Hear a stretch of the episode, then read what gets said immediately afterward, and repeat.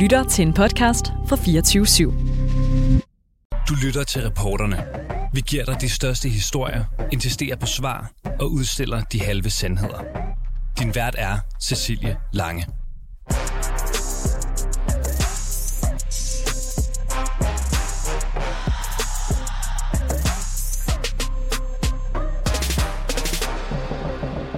En sønderjysk venstremand har med fødderne solidt plantet i Grundvis Højskole og arbejdet, talt og sunget sig igennem et utal af ordførerskaber, ministerposter og et præsidentskab i Nordisk Råd. Og nu er det slut. Efter næsten 50 år som folkevalgt takker Bertel Hårder af. I tirsdags der lød nogle af hans sidste ord på landets fineste talerstol i Folketingssalen sådan her. Min måske sidste ord fra denne talerstol skal være til jer folkevalgte. Rank ryggen.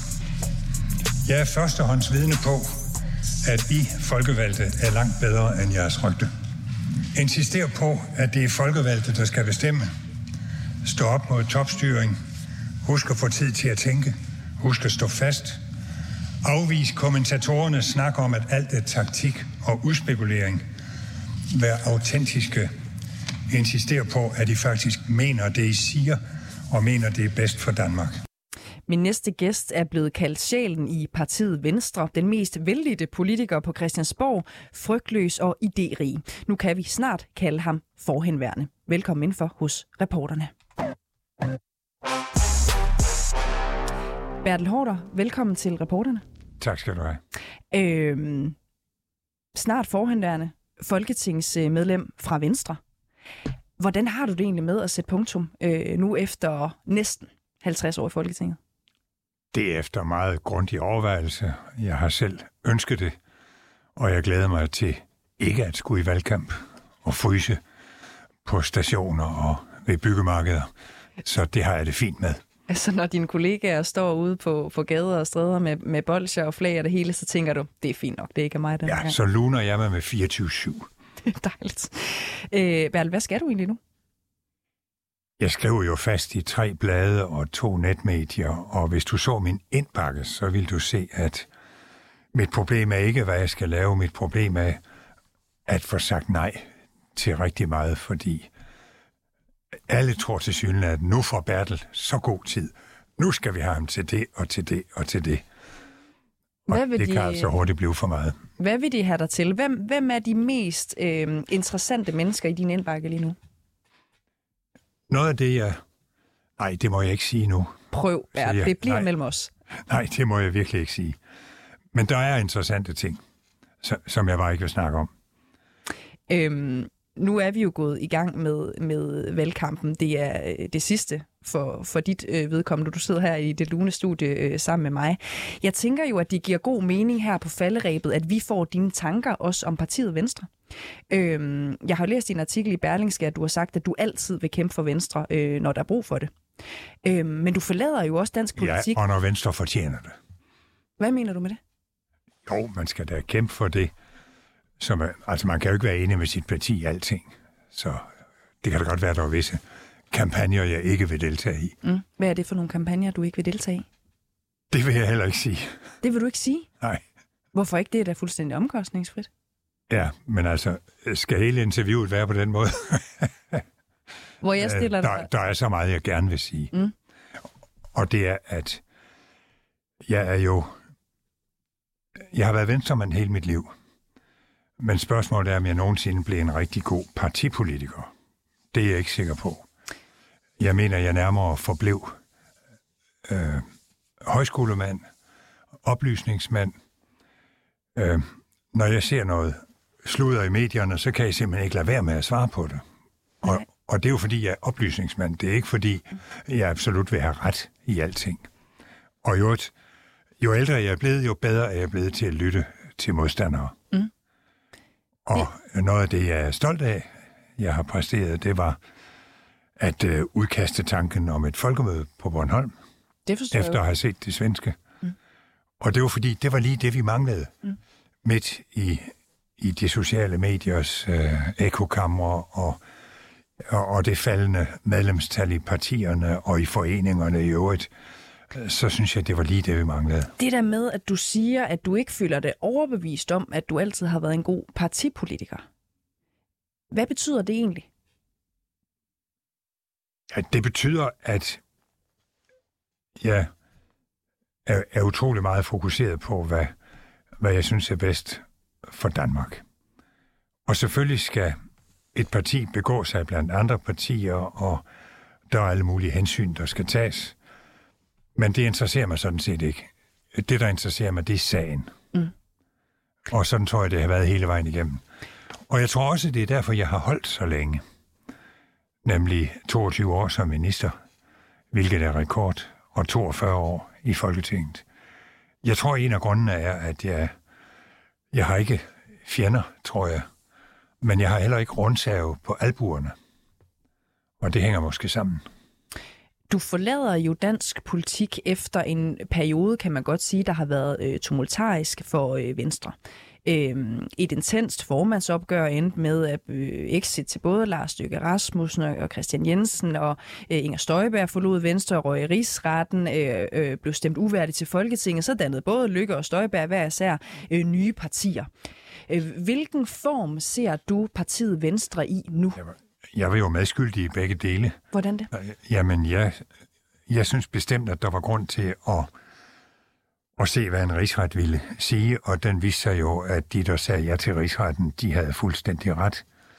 Og jeg har jo tidligere haft Inger Støjbergs post, og kender også de embedsmænd, som hun først pressede, og derefter lå i stikken. Det havde jeg ikke så meget respekt for. Men nu har hun taget sin straf, og så er det et overstået kapitel. Når det gælder Lars Lykke, så var jeg jo selv med til offentligt at opfordre ham til at gå af. Mm. Så jeg er bestemt medskyldig i... I den tumult? Ja, i den afskalning, der skete fra, fra Venstre. Det vil jeg bestemt ikke løbe fra. Lad os lige prøve at blive ved øh, Inger Støjberg, ikke? for jeg kan huske, at du forsøgte jo sådan set også at få hende til at undskylde til Folketinget øh, og ja. hendes embedsmænd i ministeriet, ikke mindst i sagen om adskillelse af par. Det gjorde hun jo ikke.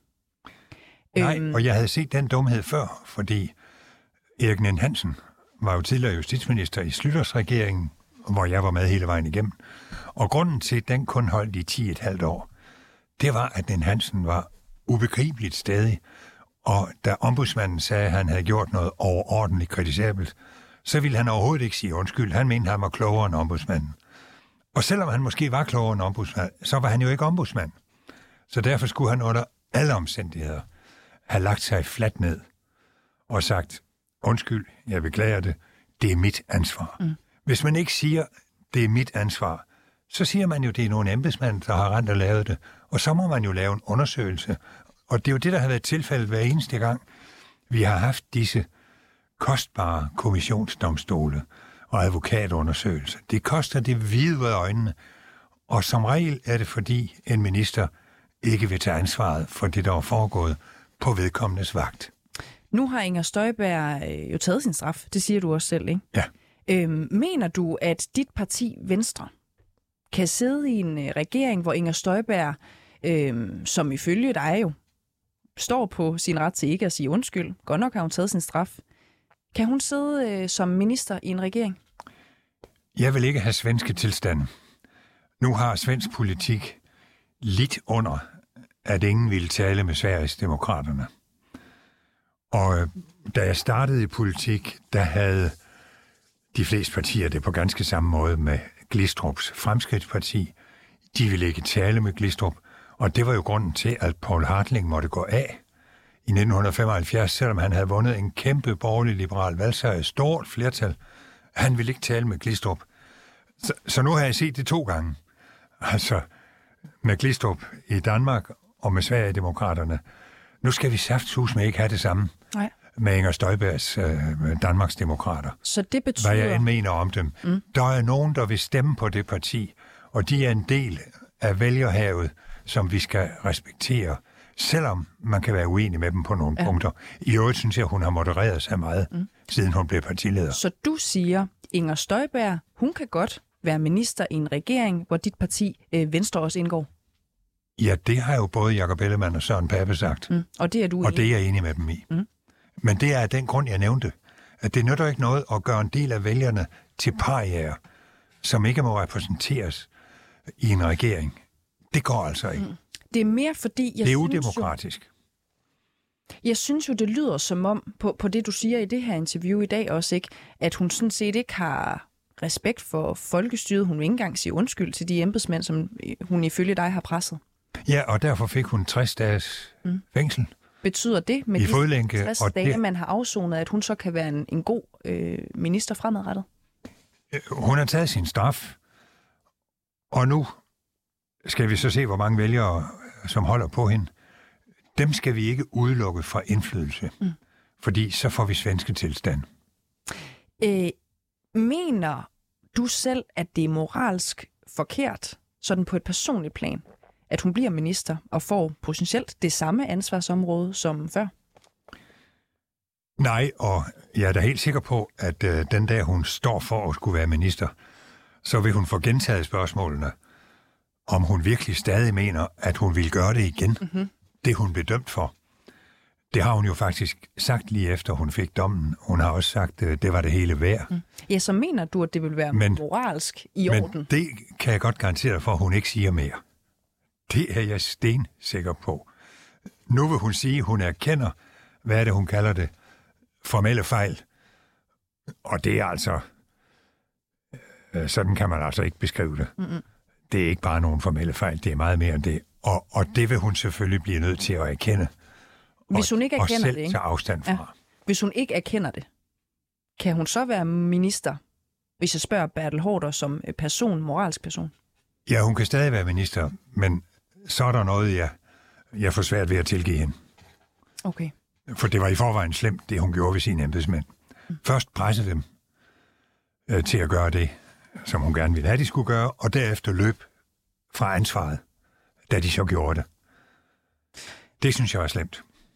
Nu har vi været inde på det et par gange. Ikke? Hun er jo dømt, hun har taget sin straf øh, 60 dage med fodlænke. Ja. Kan hun være justitsminister?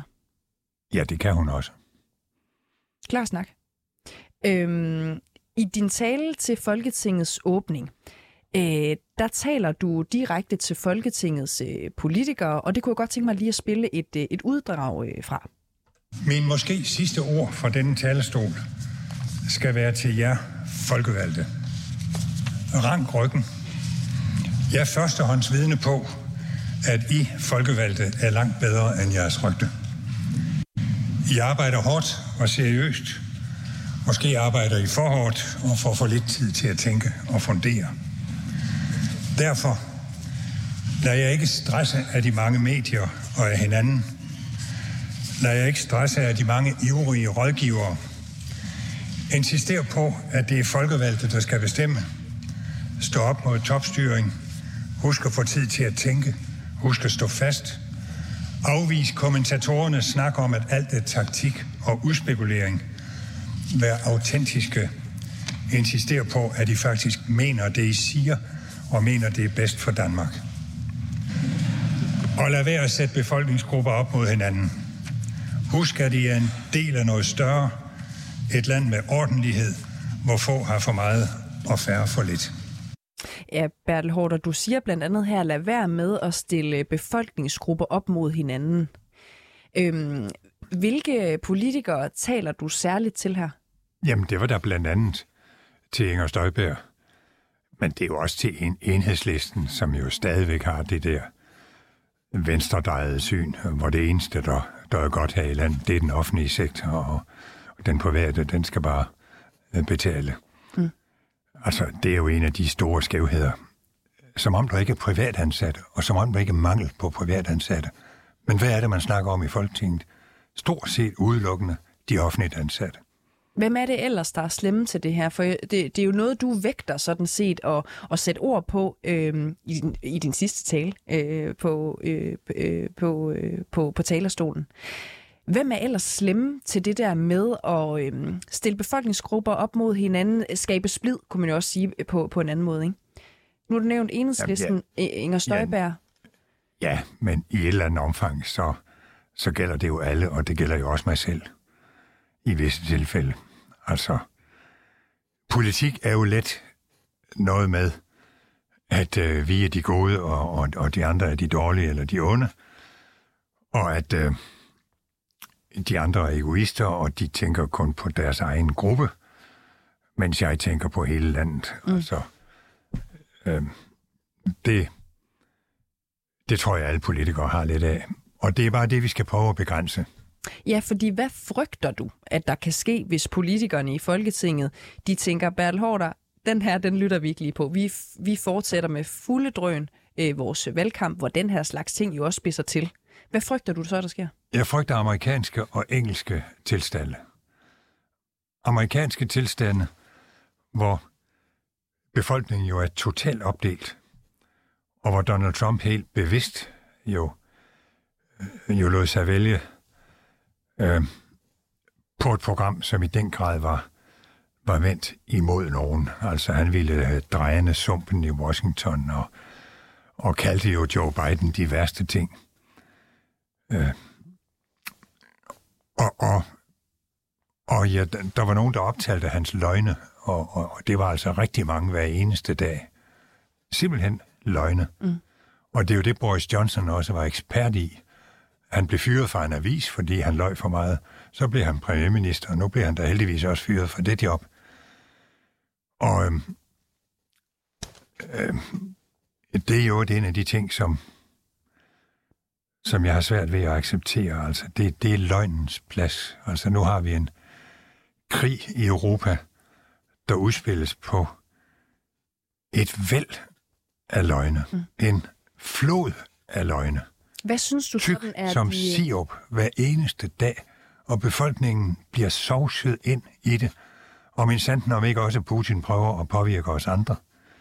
Jeg så lige et blad herude, mm. som var så løgnagtigt, at jeg ikke kunne lade være med at tænke, måske er det finansieret af Putin. Fordi det, han vil, det er at skabe splittelse. Ja.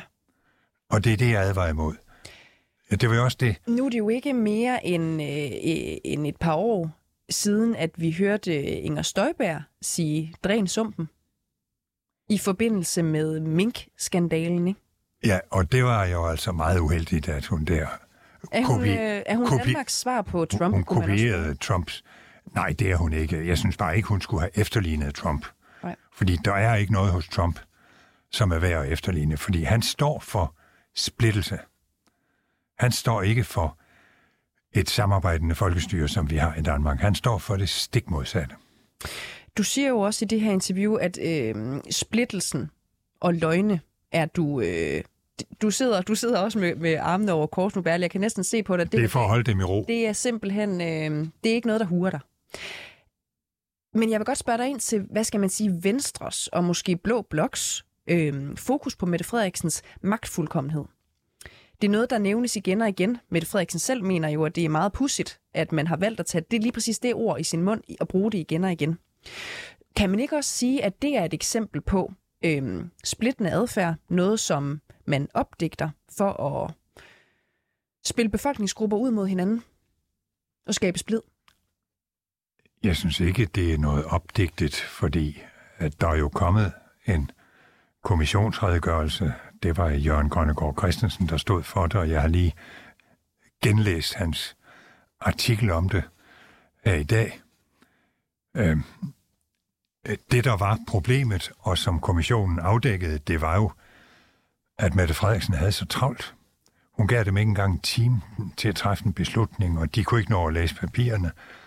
Og, og der var jo masser af tid til at læse papirerne, og lige spørge dem, der vidste noget. Og så ved jeg jo heller ikke, om, øh, om Serum Instituttet havde hold i deres faglige vurderinger, men det tror jeg, det kommer der nok et efterspil om senere hen. Altså, var der hold i det? Ja, så som du var mener. Men selvfølgelig skulle Mette Frederiksen reagere på det, som Serum Instituttet sagde. Selvfølgelig skulle hun det. Men det gik jo afsindig hurtigt, og jeg forstår ikke, at hun ikke i aftes, øh, eller i nat, hvor hun blev presset og presset. Hvorfor sagde hun ikke bare, jo, det var mit ansvar, at det gik for hurtigt. Hvorfor sagde hun ikke bare det? Mm.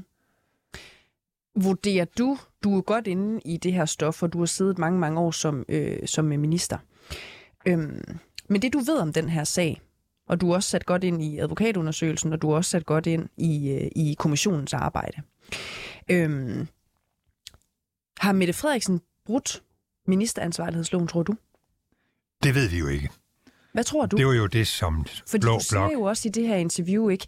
Det var jo hende, der ikke gav embedsmændene nok tid til at få øh, rapporterne læst godt nok øh, Ja. igennem. Ja. Det er jo hendes ansvar.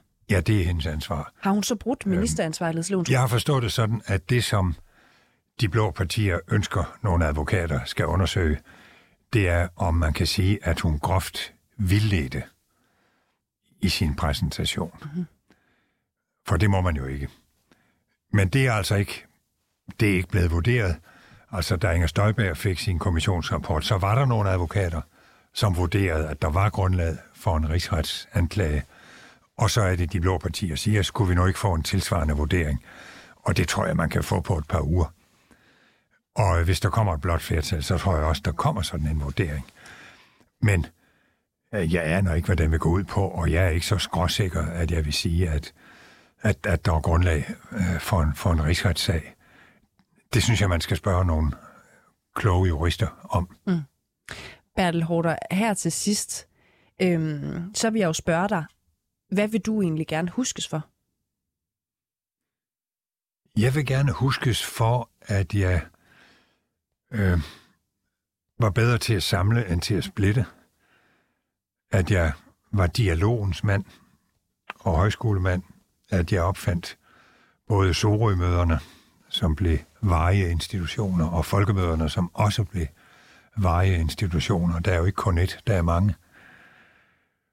Og så vil jeg gerne huskes for, at jeg var en, øh,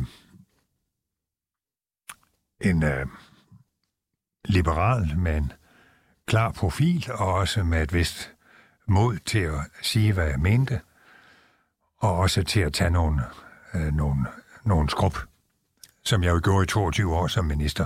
Husk på, jeg har i 15 år været undervisningsminister, med alt det ballade, det fører til. Og så har jeg min sanden også i fire år været integrationsminister. På det tidspunkt, hvor det var aller værst at være integrationsminister, for det var dengang, vi, vi lagde politikken om. Og øh, der var jo kæmpe kritik, især i udlandet. Men det du ved om den her sag, og du er også sat godt ind i advokatundersøgelsen, og du er også sat godt ind i, øh, i kommissionens arbejde. Øhm, har Mette Frederiksen brudt ministeransvarlighedsloven, tror du? Det ved vi jo ikke. Hvad tror du? Det var jo det, som Fordi Blå du siger Blok... jo også i det her interview, ikke? Det var jo hende, der ikke gav embedsmændene nok tid til at få øh, rapporterne læst godt nok øh, Ja. igennem. Ja. Det er jo hendes ansvar. Ja, det er hendes ansvar. Har hun så brudt ministeransvarlighedsloven? Jeg har forstået det sådan, at det, som de blå partier ønsker, nogle advokater skal undersøge, det er, om man kan sige, at hun groft vildledte i sin præsentation. Mm-hmm. For det må man jo ikke.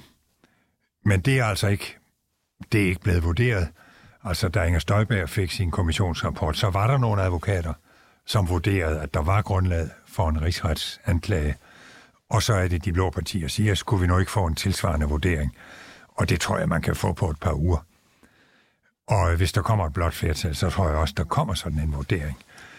Men øh, jeg aner ikke, hvad den vil gå ud på, og jeg er ikke så skråsikker, at jeg vil sige, at, at, at der er grundlag øh, for, en, for en rigsretssag. Det synes jeg, man skal spørge nogle kloge jurister om. Mm. Bertel Horter, her til sidst, øhm, så vil jeg jo spørge dig, hvad vil du egentlig gerne huskes for? Jeg vil gerne huskes for, at jeg øh, var bedre til at samle end til at splitte. At jeg var dialogens mand og højskolemand. At jeg opfandt både Sorømøderne, som blev varige institutioner, og folkemøderne, som også blev varige institutioner. Der er jo ikke kun et, der er mange. Og så vil jeg gerne huskes for, at jeg var en, øh, en øh, liberal med en klar profil, og også med et vist mod til at sige, hvad jeg mente, og også til at tage nogle, øh, nogle, nogle skrub, som jeg jo gjorde i 22 år som minister. Husk på, jeg har i 15 år været undervisningsminister, med alt det ballade, det fører til. Og så har jeg min sanden også i fire år været integrationsminister. På det tidspunkt, hvor det var aller værst at være integrationsminister, for det var dengang, vi, vi lagde politikken om. Og øh, der var jo kæmpe kritik, især i udlandet. Men i dag er alle jo enige om, at det var godt, det vi lavede dengang. Og det står fast. Men det var ikke nemt dengang, det startede. Så øh, jeg har taget nogle skrub, og det er jeg faktisk stolt over, for det er jo beviset på, at jeg har bestilt noget. Jeg efterlod nogle spor, som jeg kan være bekendt. Bertel Hårder, tusind tak, fordi du tog dig tid. Selv tak. Og så vil jeg også sige tusind tak til dig, som har siddet og lyttet med derude. Du har lyttet til reporterne på 24 /7. Hvis du kunne lide programmet, så gå ind og tryk abonner hos din foretrukne podcast-tjeneste, eller lyt med live hver dag mellem 15 og 16 på 24 /7. Tips skal altid sendes til reporterne snablag 247.dk.